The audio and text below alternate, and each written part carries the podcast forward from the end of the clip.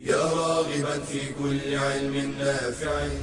ينمو العلم ويتقدم بتقنياته ومجالاته ومعه نطور أدواتنا في تقديم العلم الشرعي. أكاديمية زاد. زاد أكاديمية ينبوعها. صاف صاف ليروي غلة الظمآن. والسيرة العلياء عطرة الشدى. طيب يفوح لأهل كل زمان. بشرى لنا زاد أكاديمية للعلم كالأزهار في البستان. إن الحمد لله نحمده ونستعينه ونستغفره ونستهديه ونعوذ بالله من شرور أنفسنا وسيئات أعمالنا. من يهده الله فلا مضل له ومن يضلل فلا هادي له وأشهد أن لا إله إلا الله وحده لا شريك له وأشهد أن محمدا عبد الله ورسوله وصفيه وخليله وخيرته من خلقه أرسله ربه رحمة للعالمين. نشهد أنه صلى الله عليه وسلم قد بلغ الرسالة وأدى الأمانة ونصح الأمة وكشف الله به الغمة بلغ غاية البلاغ والبيان فجزاه الله عنا خير ما جزى نبيا عن أمته وصلى الله عليه وآله وأصحابه والتابعين ومن تبعهم بإحسان إلى يوم الدين. أما بعد فحياكم الله أيها الإخوة والأخوات من طلاب العلم وطالبات العلم آه، في برنامج أكاديمية زاد في المستوى الثاني وفي الدورة الثانية المستوى الثاني من دراسة السيرة النبوية. على صاحبها أفضل الصلاة وأتم التسليم. نتدارس في هذا المستوى آه، شمائل الحبيب عليه الصلاة والسلام خلاله وصفاته وأخلاقه وخلقته النير المباركة في غاية الجمال والكمال وهديه صلى الله عليه وسلم الذي كان أحسن الهدي عليه الصلاة والسلام. تحدثنا في لقاءات سابقة عن لباس النبي صلى الله عليه وسلم وعمامته وخفه ونعله عليه الصلاة والسلام. تحدثنا عن مشيته صلى الله عليه وسلم. تحدثنا عن آه، جلسته عليه الصلاة والسلام وأحوال هذه الجلسة. آه، وكذلك اليوم نتحدث بإذن الله سبحانه وتعالى عن أمر مهام هام جدا وهو ما يتعلق ب عرق النبي صلى الله عليه وآله وسلم. والإنسان ربما يعجب البعض من التطرق تطرق العلماء المسلمين والصحابة رضي الله عنهم إلى هذه الجزئيات من حياة النبي صلى الله عليه وسلم. وما ذلك إلا لغاية حبهم للنبي عليه الصلاة والسلام وتعظيمهم له صلى الله عليه وسلم. ولما كان عليه صلى الله عليه وسلم من الخلق الحسن والكريم والعظيم عليه الصلاة والسلام. وأيضا من مزيد تعلق برسول الله صلى الله عليه وسلم حتى وصفوا لنا أدق الدقائق من حياته صلى الله عليه وسلم ومن ذلك عرقه صلى الله عليه وسلم. روى البخاري ومسلم عن أنس رضي الله عنه قال ما مسست حريرا ولا ديباجا ألين من كف النبي صلى الله عليه وآله وسلم. ولا شممت ريحا قط أو عرفا قط أطيب من ريح أو عرف رسول الله صلى الله عليه وآله وسلم. هذا أنس خادم النبي صلى الله عليه وسلم.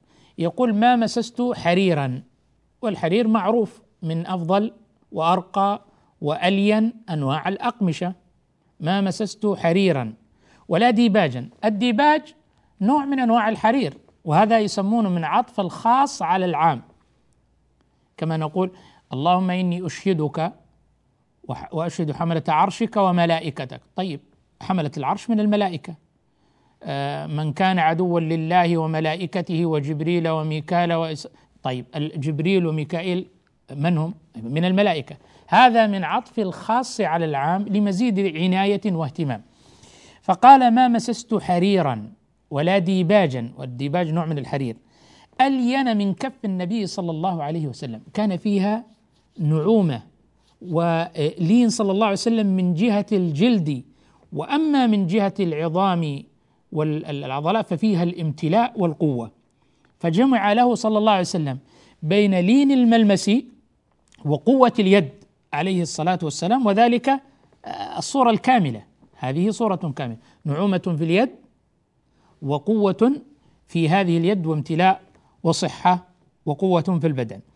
قال ما مسست حريرا ولا ديباجا ألين من كف رسول الله صلى الله عليه وسلم. ولا شممت ريحا قط أو عرفا قط. العرف اللي هو الريح الطيب. آه، كما أخبر النبي صلى الله عليه وسلم ولا يجدون ريح الجنة أو, أو عرف الجنة وإن ريحها لا يوجد من كذا كذا من السنين. يعني هو الريح الطيب.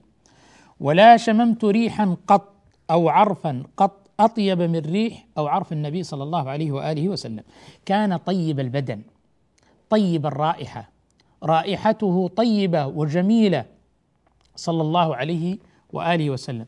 رائحة بدنه رائحة ثيابه آه، رائحة فمه صلى الله عليه وسلم آه، آه، رائحة بدنه كان كله طيب صلى الله عليه وآله وسلم. فكان طيب البدن طيب الرائحة صلى الله عليه وسلم.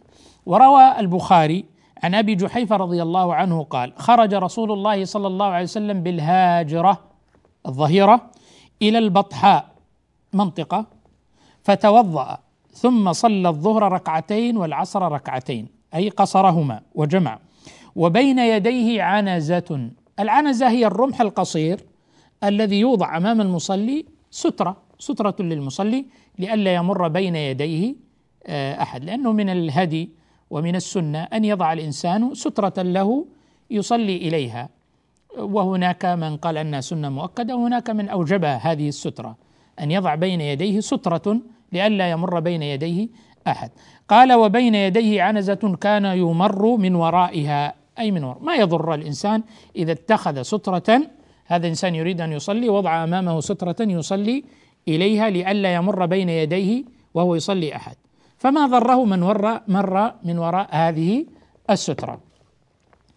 قال وبين يديه عنزة كان يمر يمر من ورائها.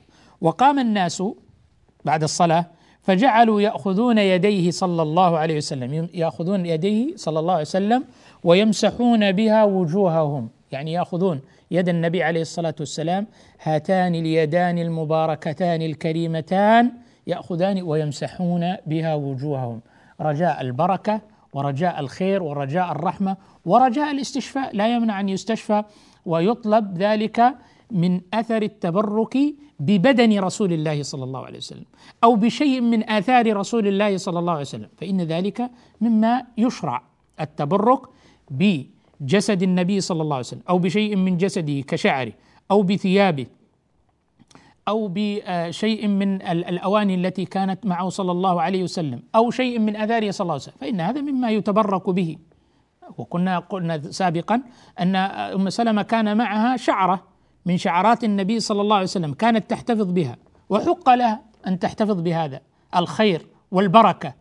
وكان كل ما مرض إنسان أو احتاج كانت تغمس هذه الشعرة من شعر النبي صلى الله عليه وسلم في الماء ثم يشرب هذا الماء ويغتسل به فيشفى المريض بإذن الله عز وجل ببركة النبي صلى الله عليه وسلم. الذي يشفي هو الله الذي يعافي هو الله. لكننا نتكلم عن سبب من الأسباب ومن هذه الأسباب التبرك بشيء من آثار رسول الله صلى الله عليه وسلم فهذا من المشروع. فكانوا يأخذون يديه صلى الله عليه وسلم ويمسحون بها وجوههم. قال أبو جحيفة فأخذت بيده فوضعتها على وجهي وجه النبي صلى الله عليه وسلم. فإذا هي أبرد من الثلج وأطيب رائحة من المسك صلى الله عليه وآله وسلم. كان فيها برودة قال كانت أبرد من الثلج وأيضا كانت أطيب من رائحة آه، المسك. هكذا كانت يد النبي صلى الله عليه وسلم وهنيئا لتلك الوجوه التي وضعت عليها يد النبي صلى الله عليه وسلم وهنيئا لتلك الأيدي التي أمسكت بيدي رسول الله صلى الله عليه وسلم وهنيئا لمن قبلها قبل يديه صلى الله عليه وسلم وهنيئا لمن رآه عليه الصلاة والسلام. بشرى لنا أكاديمية للعلم كالأزهار في البستان.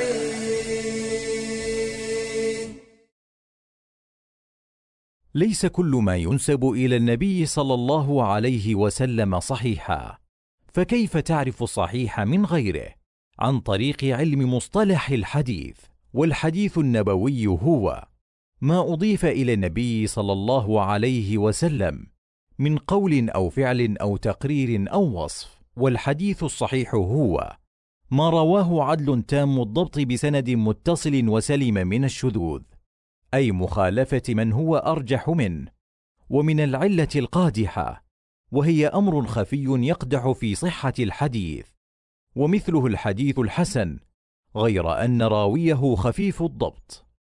والحديث المقبول صحيحا كان أو حسنا يجب العمل به في العقيدة والأحكام وغيرهما ويرد الحديث لسقط في إسناده أو للطعن في عدالة الراوي أو ضبطه. والحديث الضعيف لا يعمل به إلا بشروط.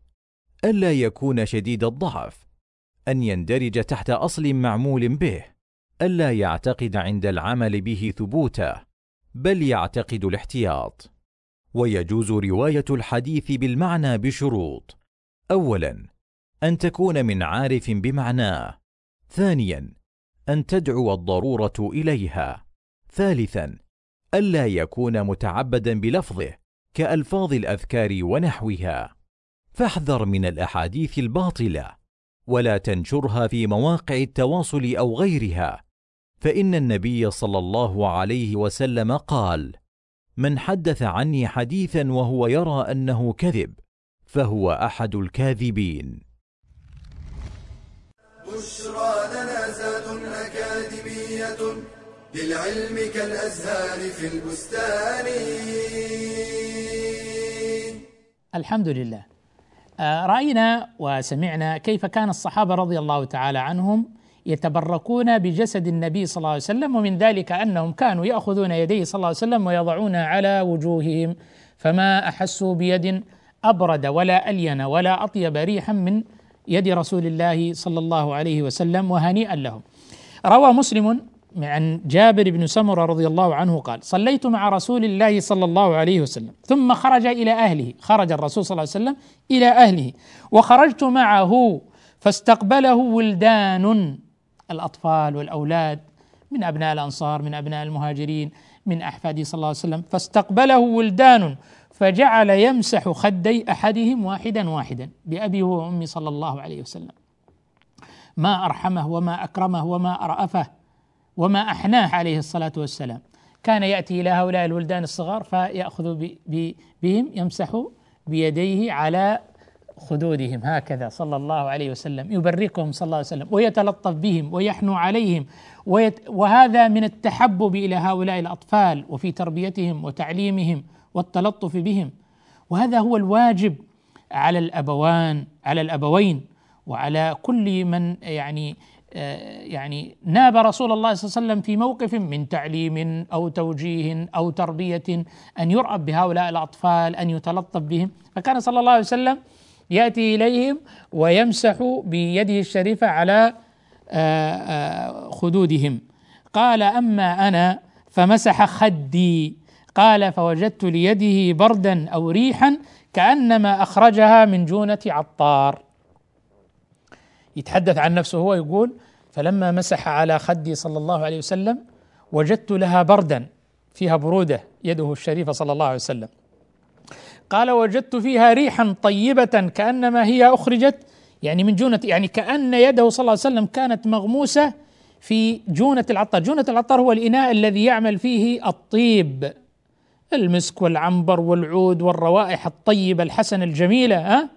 كأن النبي صلى الله عليه وسلم غمس يده في جونة العطار فأخرجها فلما شمه فهي إذا هي تفوح من الطيب آه، في طيبها الذاتي صلى الله آه، آه، طيبها الذاتي يعني هذه اليد الشريفة كانت طيبة في ذاتها في ريحها وأيضا ما كان يضعه النبي صلى الله عليه وسلم من الطيب بأبي هو وأمي صلى الله عليه وآله وسلم. وأيضا أنس كان يقول كان رسول الله صلى الله عليه وسلم أزهر اللون يعني ابيضا مستنيرا كما قلنا أول أنه أبيض مشرب بحمرة أزهر اللون كأن عرقه اللؤلؤ. لما يتعرق صلى الله عليه وآله وسلم ينحدر هذا العرق كأنما حبات هذا العرق مثل حبات اللؤلؤ عليه الصلاة وآله وسلم. قال ولا شممت مسكة ولا عنبرة أطيب من ريح رسول الله صلى الله عليه وسلم. بل الجميل يا أخواني وأخواتي أن الناس يعرفون مجيئه صلى الله عليه وسلم بالطيب الذي يشم من بعيد منه صلى الله عليه وسلم. فكان حريصا على أن يكون طيبا مطيبا صلى الله عليه وسلم. فهو طيب في ذاته وطيب في بدنه وطيب في قوله وطيب في فعله وطيب في تقريراته وطيب في شأنه كله. وأيضا كان حريصا على أن يتطيب صلى الله عليه وسلم. حتى أن جابر بن عبد الله رضي الله عنه يقول أن النبي صلى الله عليه وسلم لم يسلك طريقا فيتبعه أحد إلا عرف أنه قد سلكه من طيب عرقه أو من ريح عرقه. يعني يمر النبي صلى الله عليه وسلم من طريق ويذهب إلى شأنه. فيمر إنسان من هذا الطريق فيقول قد مر النبي صلى الله عليه وسلم من هذا الطريق. من الريح الطيبة التي يجدونها من الأثر الطيب الذي يجدونه من ريحه الشريف صلى الله عليه وسلم سواء كانت ريحة عرقه فعرقه صلى الله عليه وسلم ليس مثل يعني مثلنا بقية البشر أن رائحة العرق قد تكون غير محبذة وغير محببة وأحيانا طبيعة الطعام الذي يتناوله الإنسان يؤثر في رائحة عرقه وإفرازاته. ومع ذلك فإن النبي صلى الله عليه وسلم كان العرق الذي يخرج منه بخلاف ما يخرج من بقية البشر كان طيبا ورائحته طيبة وكان مباركا صلى الله عليه وسلم. بل أن الصحابة رضي الله عنهم كانوا يتخذون عرقه طيبا. يعني ما يخرج من النبي صلى الله عليه وسلم من العرق كانوا يأخذونه ويتخذونه طيبا. بل بعضهم يأخذ هذا الطيب وهذا العرق ويتطيب به فإذا هو يفوح طيبا ورائحة طيبة. ومنهم من يأخذ هذا العرق ثم يضعه في طيبهم حتى يتكاثر هذا الطيب ويصبح آخذا من هذه الرائحة الطيبة من عرق رسول الله صلى الله عليه وسلم. روى مسلم في صحيحه من حديث أنس بن مالك رضي الله عنه. قال دخل علينا النبي صلى الله عليه وسلم فقال عندنا قال عندنا قال يعني نام القيلولة في فترة القيلولة. فعرق أي نزل منه صلى الله عليه وسلم العرق وتحدر منه العرق من جبينه ومن جسده الشريف عليه الصلاة والسلام. وجاءت أمي فجاءت بقارورة. فجعلت تسلت العرق فيها يعني تأخذ هذا العرق من جسد النبي صلى الله عليه وسلم وتسلته أي تسحبه على هذا الإناء. تسلت العرق فيها. فاستيقظ النبي صلى الله عليه وسلم فقال يا أم سليم ما هذا الذي تصنعين؟ ماذا تفعلين؟ قالت هذا عرقك نجعله في طيبنا وهو من أطيب الطيب. فهي تقول نحن نجمع هذا العرق من هذا الجسد الشريف ونضعه في هذا هذه القارورة ثم أننا نضعه على طيبنا. وهذا العرق هو أطيب الطيب. أصلا هذا العرق هو أطيب من الطيب ذاته. لكنهم يضعونه على طيبهم فيزداد الطيب طيبا وتزداد الرائحة الطيبة طيبا. والنبي صلى الله عليه وآله وسلم كان يحب الطيب وكان يحب الرائحة الطيبة. الرائحة الطيبة كان يحبها صلى الله عليه وسلم. بل أنه عليه الصلاة والسلام قال حبب إلي من الدنيا النساء والطيب وجعلت قرة عيني في الصلاة. رواه أحمد وأبو داود وصححه الإمام الألباني رحمه الله رحمة الله عليهم أجمعين. حبب إلي من الدنيا النساء والطيب وجعلت قرة عيني في الصلاة. قرة العين طمأنينة القلب والسكينة وغاية الفرح والسرور والاطمئنان والارتياح هو في الإقبال على الصلاة. ولذلك كان إذا حزبه أمر فزع إلى الصلاة. إذا أهمه أمر فزع إلى الصلاة لأنها كانت قرة عين له. كانت تبعث الطمأنينة والسكينة في قلبه صلى الله عليه وآله وسلم. وأيضا كان يحب نساءه صلى الله عليه وآله وسلم. وهذا أمر طبيعي بشري لا يلام الإنسان عليه بالعكس هذا من كمال الطباع أن الإنسان يحب أهله ويحب نساءه وهذا شيء طبيعي وهو الكمال. وأيضا قال حبب إلي النساء والطيب والتطيب الشيء الطيب الرائحة الطيبة كان يحب الطيب وكان يهدى إليه الطيب وكان يتخذ الطيب صلى الله عليه وسلم. وكانت الريح الطيبة صفته صلى الله عليه وسلم وإلا إن لم يمس طيبا. يعني حتى لو ما مس طيب صلى الله عليه وسلم ولا اتخذ فإن رائحته صلى الله عليه وسلم في ذاته كانت طيبة. عائشة رضي الله عنه كانت تطيبه لحله ولإحرامه. لما يحرم كانت تطيبه صلى الله عليه وسلم رضي الله عنها تطيبه في بدنه وتطيبه في وجهه وتطيبه في رأسه آه، رضي الله عنها وصلى الله عليه وسلم. بأبي هو وأمي. كانت تطيبه وكان يحب هذا الطيب ويحب هذه الرائحة الطيبة. والنفوس الزكية والنفوس الطيبة تحب الطيب.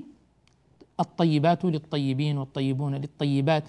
الأشياء الطيبة وحل لهم الطيبات وحرم عليهم الخبائث. النفس الطيبة تهوى الشيء الطيب وتكره الشيء الخبيث والعياذ بالله. فهو صلى الله عليه وسلم كان طيبا في ذاته وفي جسده وفي عرقه وأيضا كان صلى الله عليه وسلم يحب الطيب آه، ومن ذلك ما قاله أنس ما مسست حريرا ولا ديباجا ألين من كف النبي صلى الله عليه وآله وسلم ولا شممت ريحا قط أو عرفا قط أطيب من ريح رسول الله صلى الله عليه وسلم أو عرف رسول الله صلى الله عليه وسلم. النبي صلى الله عليه وسلم كان يكره بعض الروائح آه، نتعرف عليها بعد الفاصل بإذن الله تعالى. بشرى لنا زاد أكاديمية للعلم كالأزهار في البستان.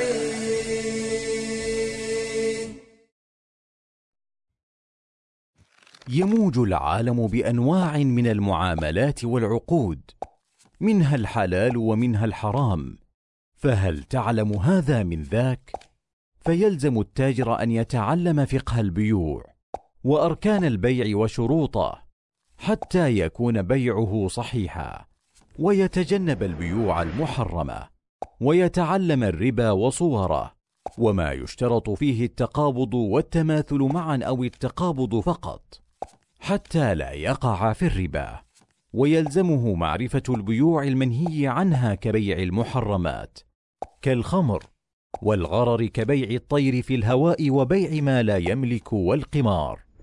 ويلزمه تعلم أنواع الخيار كخيار المجلس وخيار الشرط وخيار العيب حتى لا يظلم المشتري ويتعلم أحكام القرض ما يصح إقراضه وما لا يصح وكيف يتصرف مع المماطل حتى لا يقع في الربا أو الظلم ويتعلم القبض وصوره فقبض كل شيء بحسبه فإن كان موزونا فقبضه بوزنه وإن كان ثيابا ونحوها فقبضها نقلها وإن كان مما لا ينقل فقبضه بالتخلية. ويتعلم أحكام الإجارة كحرمة مماطلة الأجير. قال صلى الله عليه وسلم أعطوا الأجير أجره قبل أن يجف عرقه. ويتعلم أحكام الزكاة حتى يعرف كيف يزكي أمواله وليعلم أن الضريبة لا تغني عن الزكاة ومن احتاج معاملة تعلم فقهها حتى لا يقع في الحرام. قال تعالى وما كان الله ليضل قوما بعد إذ هداهم حتى يبين لهم ما يتقون. الله بكل شيء عليم.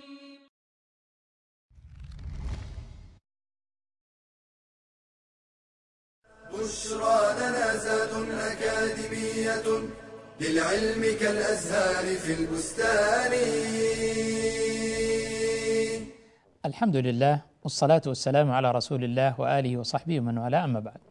كنا تحدثنا قبل الفاصل أن النبي صلى الله عليه وآله وسلم كان طيبا في بدنه طيبا في رائحته طيبا في عرقه حتى أن عرقه كان أطيب الطيب وكان يعرف المكان الذي جلس فيه الرسول صلى الله عليه وسلم أو مر به من الرائحة الطيبة التي يخلفها رسول الله صلى الله عليه وسلم إثره.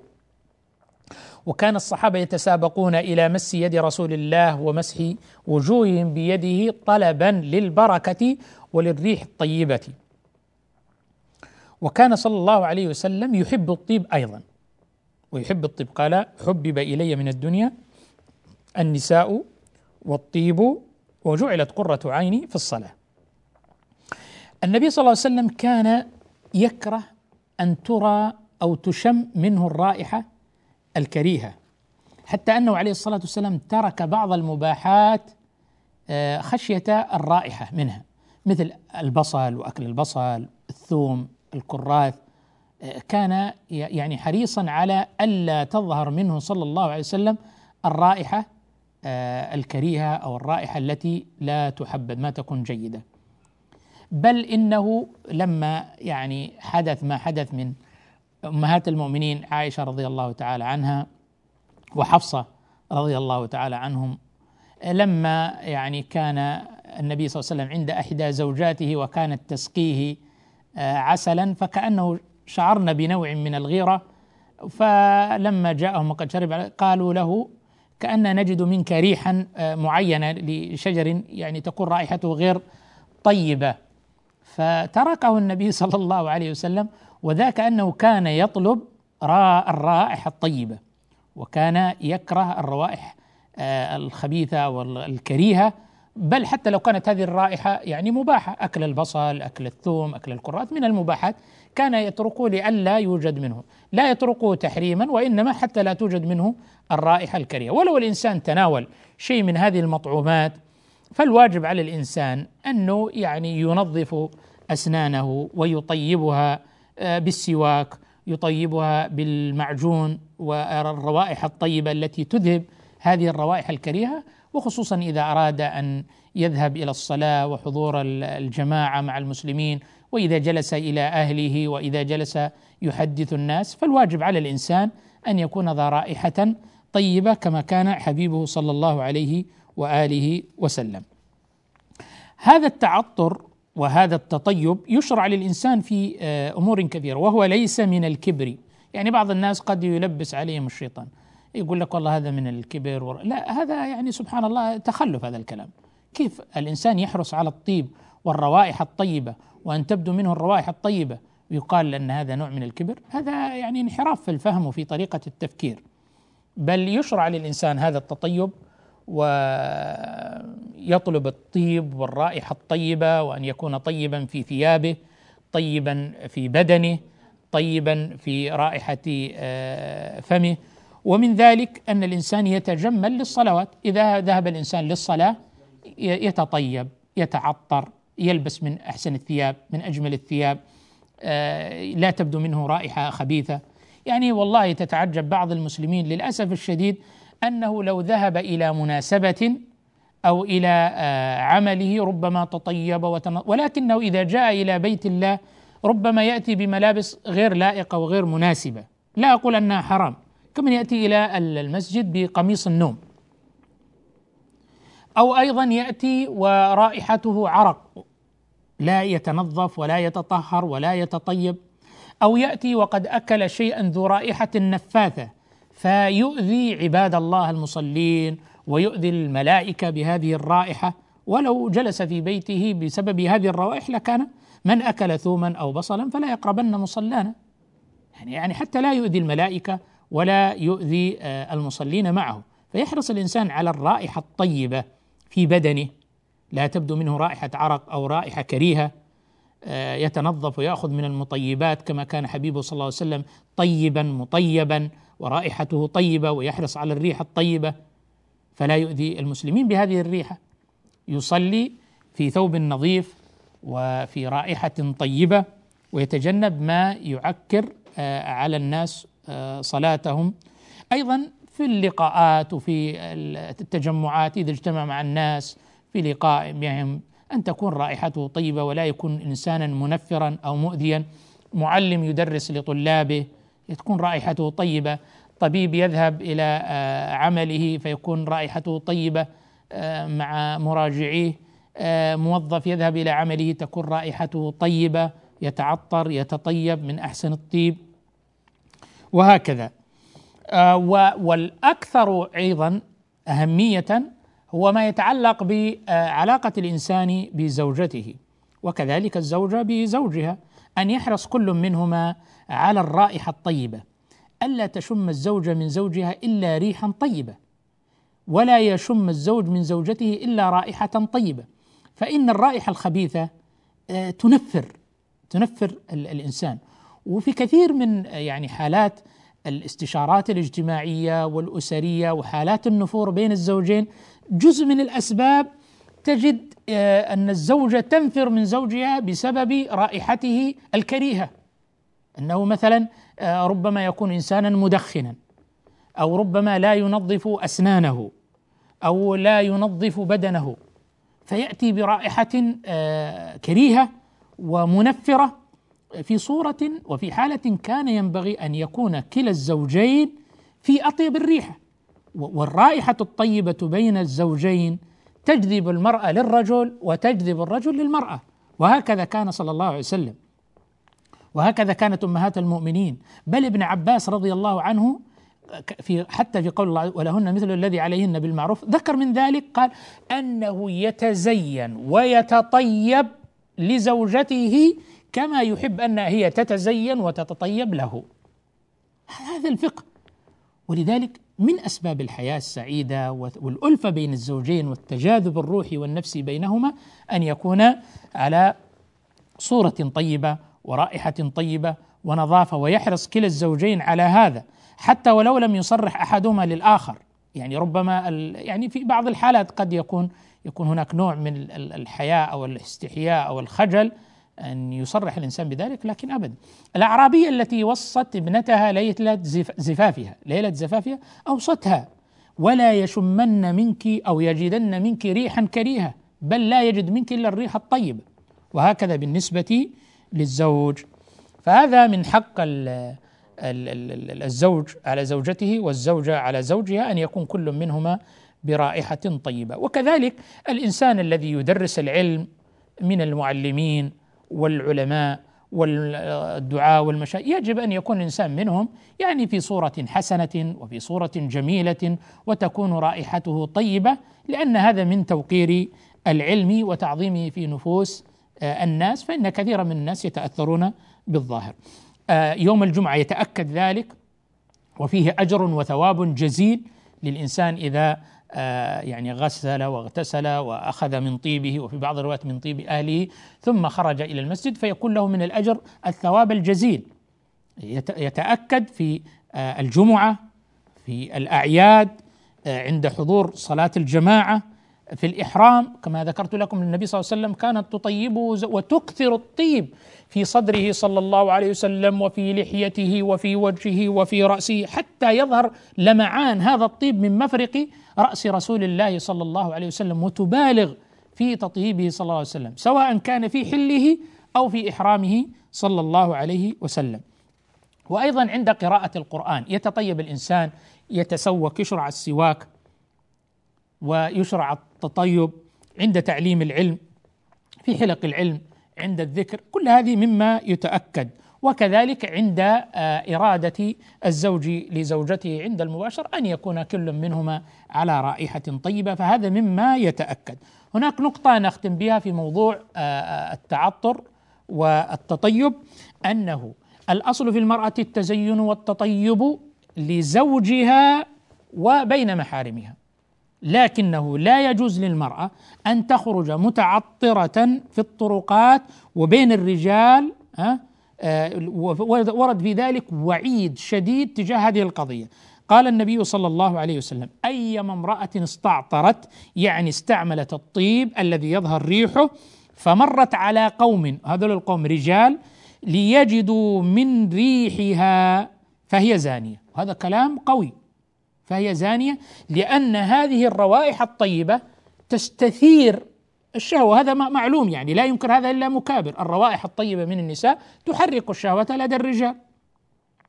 فهي زانية بداعية تحريك هذه الشهوات لدى الرجال فتكون بذلك زانية. فالعين تزني تلتفت العين كما أخبر النبي صلى الله عليه وسلم الأذن تزني والعين تزني واليد تزني والرجل تزني والفرج يصدق ذلك أو يكذبه كما في الحديث الصحيح.